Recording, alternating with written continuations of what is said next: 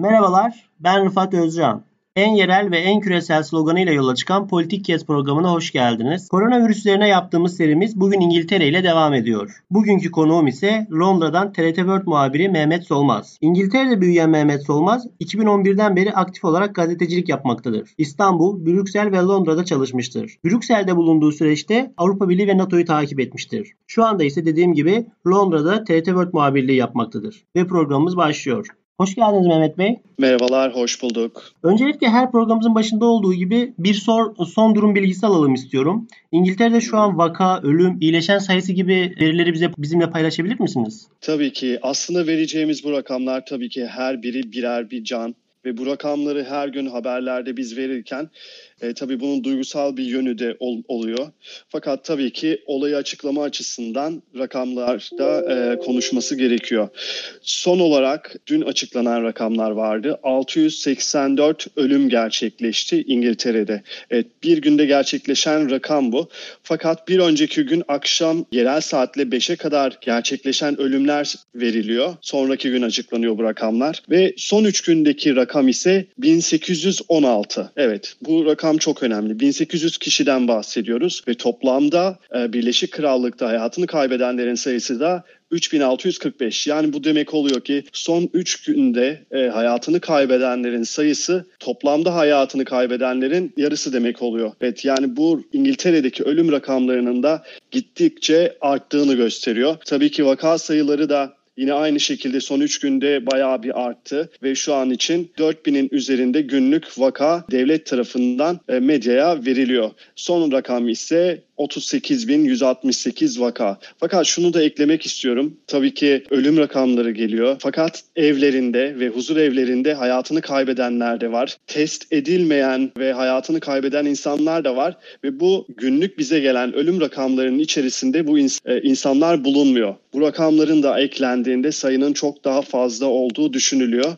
Tabii ki İngiltere'de test sıkıntısı da var. Sağlık çalışanlarının dörtte biri ya hasta olduğunu söyleyip işe gitmiyor ya da karantinada olması gerektiği söyleniyor gösterdiği semptomlardan dolayı. Bundan dolayı vaka sayısı ve ölüm sayısı net değil. Fakat net olmamasına rağmen giderek artıyor. İtalya, Almanya ve Fransa ile yaptığım bağlantılarda da herkes huzurevi vurgusunu yaptı. Onlarda da aynı durum söz konusuymuş. Onu da e, eklemiş olayım. Bildiğiniz üzere yarın kraliçe ulusal sesleniş konuşması yapacak. E, kraliçenin tahtaki yani 5. E, ulusal sesleniş konuşması olacak. Çok özel durumlarda çıkıp bu konuşmaları yapıyor. İşte 91 Körfez Savaşı'nda, 97 Diana'nın ölümünde, 2002'de annesinin ölümünde ve 2012 yılında tahta çıkışın 60. yılını özel olarak çıkıp konuşma yapmıştı. Yani bu ulusal sesleniş konuşmasının İngilizler için önemi ne ve e, yarın ne, neler söylemesi bekleniyor halka? Evet aslında sizin de bahsettiğiniz gibi sadece olağanüstü durumlarda böyle açıklamalar yapıyor. Ee, bahsettiğiniz gibi tabii ki Körfez Savaşı zamanında da e, konuşmuştu ve bu kez 5. konuşması olacak. Ay sonunda 94 yaşına giriyor kraliçe ve şu an için tabii ki İngiltere, e, İngiltere'de özellikle ve bütün Birleşik Krallık'ta kraliçenin ve e, kraliyet ailesinin e, önemli bir yeri var. Yapılan açıklamalar devamlı herkes tarafından ilgiyle izleniyor, dinleniyor ve başından beri zaten bu pandemi başladıktan sonra Prens Charles'tan olsun, e, kraliyet mensuplarından olsun açıklamalar geliyor. Halkı teskin etmeye çalışan açıklamalar geliyor. Yine tabii İngiliz medyasında yer alan bilgilere göre de Kraliçe Elizabeth de Windsor, kaldığı Windsor Kalesi ki bu Londra'ya 20 e, mil uzaklıkta oradan yapacağı açıklamalarda sağlık çalışanlarına özellikle teşekkür edecek ve aynı zamanda bu pandemide taşın altına koyan herkese teşekkür etmesi bekleniyor. Tabii ki olağanüstü bir e, açıklama gelmesi beklenmiyor çünkü yürütme değil fakat devletin tabii ki başı diyebiliriz. Bundan dolayı da yapacağı açıklama herkes tarafından izlenecek ve dinlenecektir. Peki alınan tedbirleri sormadan önce ise herkesin bildiği üzere İngiltere sürecin en başında sürü bağışıklığı e, yöntemini denemek istedi. Daha sonra ise hızlı bir şekilde bu sürü bağışıklığı yönteminden vazgeçti. Neden bu stratejiden vazgeçip e, mücadele yolunu seçti? Evet aslında e, yanlış hatırlamıyorsam 16 Mart tarihindeydi. Devamlı Başbakan ve Sağlık Bakanı'nın yanında e, basın toplantılarında yer alan e, ülkenin baş bilim ve aynı zamanda sağlık danışmanları o ikisi de devamlı bu toplantılarda yer alıyor ve onlar da 16 Mart tarihinde bu sürü bağışıklığından bahsetmişlerdi ve e, nüfusun %60'ı kadar bu virüse bulaştıktan sonra virüsün etkisini kaybedeceğini ve toplumun bir toplu bir şekilde bağışıklık kazanacağını, bu şekilde bu politikanın iyi olacağını söylemişlerdi. Fakat bu bir devlet politikası olarak İngiliz hükümeti tarafından öne sürülmemişti. Çünkü e, denemek istiyorlardı.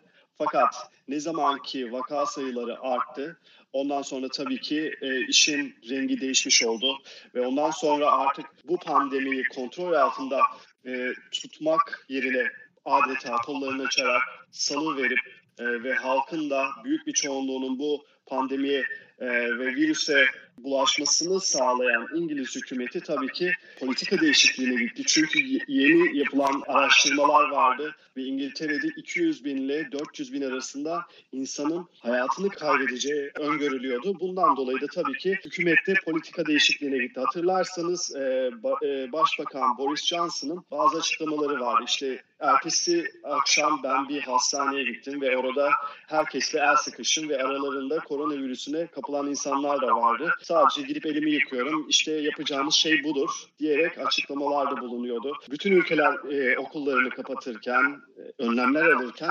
İngiltere'de uzun süre hiçbir önlem alınamadı. İlk vakanın açıklandığı zamanı hatırlıyorum İngiltere'de. Ardından 51 gün geçti ve sonrasında İngiltere hükümeti okulları kapattığını açıkladı. Ve 54 gün geçmiş geçtikten sonra da e, ülkede kısmi karantina açıklanmış olduğu Başbakan Boris Johnson tarafından. Bahsettiniz bir iki isimden ama genel olarak e, o son iki alınan tedbir dışında koronavirüs mücadele kapsamında ülke e, satına yayılmış olan tedbirler neler şu an? Yani tedbir olarak e, İngilizce'de evet lockdown deniliyor. Yani ülkenin karantinaya alınması. Sözlü olarak bu söylense de aslında bunun yarı karantina olduğunu söylemek daha e, mantıklıca olduğunu düşünüyorum. Zira tabii ki herkes işine gidemiyor. Devletten yapılan tavsiyeler vardı ilk başta. Her zaman tavsiye kelimesi kullanılıyordu. Fakat şu an için geçerli olan önlemler şunlar. Evden çalışabiliyorsanız evden çalışmalısınız. Çalışamıyorsanız ve işiniz çok önemli bir şeyse o zaman işe devam edebilirsiniz. Fakat hangi iş yerleri işlerine devam edebilecek, hangileri edemeyecek bu bir hafta için e, tam net değildi. Fakat şu an giderek netleşiyor. Örneğin ilk başta e, büyük inşaat alanlarının işlerine devam edici, edeceği söylenirken küçükleri devam edemeyecek denmişti. Fakat sonrasında o da değişti. Artık örneğin elektrik ve e, aynı zamanda internet bağlayıcıları, firmaları işlerine devam edebiliyor. Çünkü insanlar ev, evlerinde kalmak zorunda kalıyor. Diğer taraftan bütün iş yerleri kapalı. Sadece marketler ve eczaneler açık. Ve aynı zamanda insanlar hiçbir şekilde birbirleriyle görüşemiyor. Bunun için devletin aldığı önlemler de var ve polis de kontroller e, e, düzenliyor. Fakat aynı evde kalan kişiler dışarıya gideceklerse sadece iki kişi yan yana yürüyebiliyor. Günde bir defa spor yapmak için dışarı çıkabilirsiniz. İkinci defa çıktıysanız ve sizi şikayet eden bir komşunuz varsa ceza yaptırımda uygulanıyor. Ve geçen gün e, hatırlıyorum e, Kuzey İngiltere'de bir tren istasyonunda e, şüphe çekiyor oradaki çalışanlar tarafı. Ve sonrasında polis geliyor. Polis nereye gidiyorsun, ne yapıyorsun derken e, tabii ki yeterince verilen cevaplardan tatmin olmuyorlar ve bunun üzerine 480 pound kadar bir ceza veriliyor. Ayrıca bileti olmadığı için başka cezalar falan derken 650 poundluk bir cezayla o kişi tekrardan evine gönderiliyor. Önlemler giderek artıyor fakat şunu da eklemem gerekiyor. Paskalya e, pazar günü yani gelecek hafta 8 gün sonra e, İngiltere'de koronavirüsü pandemisinin tamamen pik yapması bekleniyor. Hükümetten yapılan açıklama bu. Bundan dolayı da bu önlemler giderek sertleşecek diye düşünüyorum. Başbakan, Sağlık Bakanı ve Veliaht Prens'in e, testleri pozitif çıktı ve özellikle Başbakan ve Sağlık Bakanı yani bu sürecin yönetiminin başında olan kişiler. Bu ikisinin hı hı. pozitif çıkmış olması herhangi bu sürecin yönetiminde bir yönetim krizi yaratma riski var mı? Siz neler gözlemliyorsunuz genel olarak? Evet zaten bu e, politika olarak devletin e, ilk başta öne koyduğu şuydu. Günlük basın toplantıları yapacağız. Oldukça şeffaf olacağız ve halkımızı bilgilendireceğiz. Bu isimler arasında daha da önce saydığım gibi dört kişi bulunuyordu. Bunlardan üçü e, karantinaya geçmek durumunda kaldı ki ikisi Başbakan ve Sağlık Bakanı virüsten dolayıydı. Diğeri ise Sağlık Baş Danışmanı semptomlar gösterdiği içindi. Fakat Şimdi dört kişiden üçünün böyle olması e, bu nasıl bir şey doğru ülkede? Evet e, ondan sonra e, Finans Bakanı örneğin televizyona çıkıp günlük açıklamaları o yapmaya başladı. İngiliz halkında da şöyle bir şey vardı. Yani önlemler alınmıyor fakat aynı zamanda ülkede test yapılma sorunu var. Uzun süre boyunca ülkede yapılan toplam test sayısı 4 ile 5 bin arasındaydı ve şu an o rakam 10 bine çıkmış durumda. Ve hükümete gelen en büyük eleştirilerden birisi de tabii ki Almanya bir hafta içerisinde yarım milyon test yaparken İngiltere nasıl günde sadece 8 ile 10 bin arası test yapıyor. Tabii ki hükümete gelen eleştiriler devam ederken aynı zamanda hükümeti destekleyen İngiliz medyası partizanlığıyla bilinir ve hiçbir gazete kendi politik safını e, saklama gibi bir işe girişmez ve herkes safını belli eder. Hükümeti destekleyen medya bile e, artık bu nasıl bir durum? Sadece 2000 sağlık çalışanı bugüne kadar test edilmiş. 550 bin tane sağlık çalışanı var. Yarım milyondan fazla. Ve bu oranda 0.16 yüzde 0.16 ediyor. Ve durum böyleyken e, hükümete tabii ki büyük baskılar var ve bundan dolayı da hükümetin bu pandemiyi nasıl yönetiyor aslında ya da nasıl yönetemiyor en çok konuşulan konulardan birisi de bu.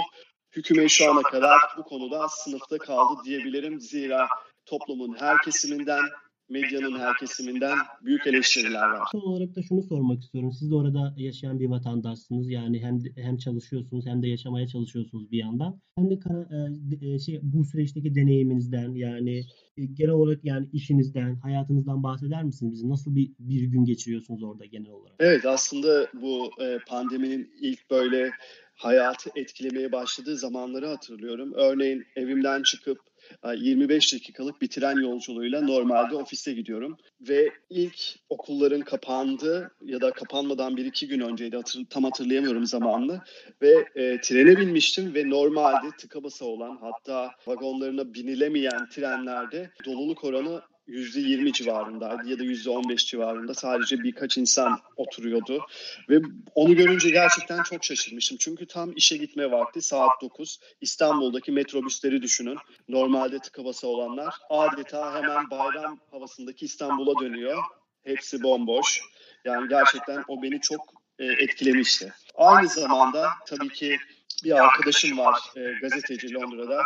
O da e, çok öngörülü olduğunu düşünüyorum. Zira İngiltere'de henüz herhangi bir vaka yokken e, bu kesinlikle bir salgına dönüşecek. Çünkü durdurulması güç, uçaklar devam ediyor ve buraya da geldiğinde belki öne alınamayacak. Bundan dolayı ben e, evimin evimde ne eksiğim varsa gidip onları alacağım. Bazı ilaçlar da oluyor günlük olarak. O ilaçları da tedarik edeceğim. Fazladan yanımda kalsın dediğinde herkes gülmüştü mesela. Fakat sonrasında bu kadar olayı yaşayınca yani o arkadaşın da ne kadar öngörülü olduğunu gördüm. Günlük hayatıma baktığımda da işimin %70 kadarını yine uzaktan yani evden yapabiliyorum. Uzaktan röportajlar, haber paketleri hazırlama gibi. Fakat duygusal olarak çok yıpratan bir şey bu pandemi. Henüz sadece 13 gün oldu karantina açıklanalı. Fakat duygusal olarak çok daha fazla zamandır karantina içindeymişiz gibi bir his var e, yürüyüş hakkımı kullanıyorum. Günde bir defa hak var. Ve e, çok nadir de olsa karşıdan biri geliyorsa ya o kişi ya da siz yolun diğer tarafına geçiyorsunuz. İnsanların birbirine bakışı değişiyor. Ama tabii ki aynı zamanda da komşularınızla ilişkileriniz daha iyi oluyor. İnsanlar birbirine yardımcı olmaya çalışıyor, dayanışma gösteriyor. Örneğin evimde internet sıkıntısı vardı. Komşum e, şifresini veriyor ve herkes birbirine işte bir ihtiyacınız olursa buradayız diyor. Bu da bence şeyle ilgili, insanların e, duygusal durumuyla ilgili. Çünkü bir evin içerisindesiniz. İnsanlarla iletişiminiz yok. E, bireysel iletişimin azalmasından dolayı böyle bir açlık doğuyor. Ve bundan dolayı da insanlar e, birbirleriyle bir şekilde iletişim içinde olmaya çalışıyor. Bahçesinden bahçesine insanlar sesleniyor. Fakat bu durumun giderek artması bekleniyor. Dediğim gibi Paskalya döneminde pik yapması bekleniyor dese, dense de bu İngiltere'deki karantina süresinin hükümet tarafından yapılan açıklamada en az Haziran ayına kadar devam etmesi bekleniyor. Ki bu da ekstra bir 2-3 ay demek oluyor. Fakat yazında bizi çok iyi günler beklediğini düşünmüyorum. Teşekkür ederim Mehmet Bey programa katıldığınız için. Son olarak eklemek istediğiniz herhangi bir şey var mı? Ben teşekkür ediyorum beni davet ettiğiniz için. Herkese şunu söylemek istiyorum. Lütfen dikkat edin. 3 gün önce İngiltere'de 13 yaşında bir çocuk hayatını kaybetti. Bu işin genci yaşlısı yok ve ne kadar dikkat edersek sevdiklerimizi o kadar korunmuş oluruz. İyi yayınlar diliyorum. Çok teşekkürler tekrardan. Londra'dan TRT World muhabiri Mehmet Solmaz'la yaptığımız programımızın böylece sonuna geldik. Bizi dinlediğiniz için teşekkürler. Kulağınız bizde olsun.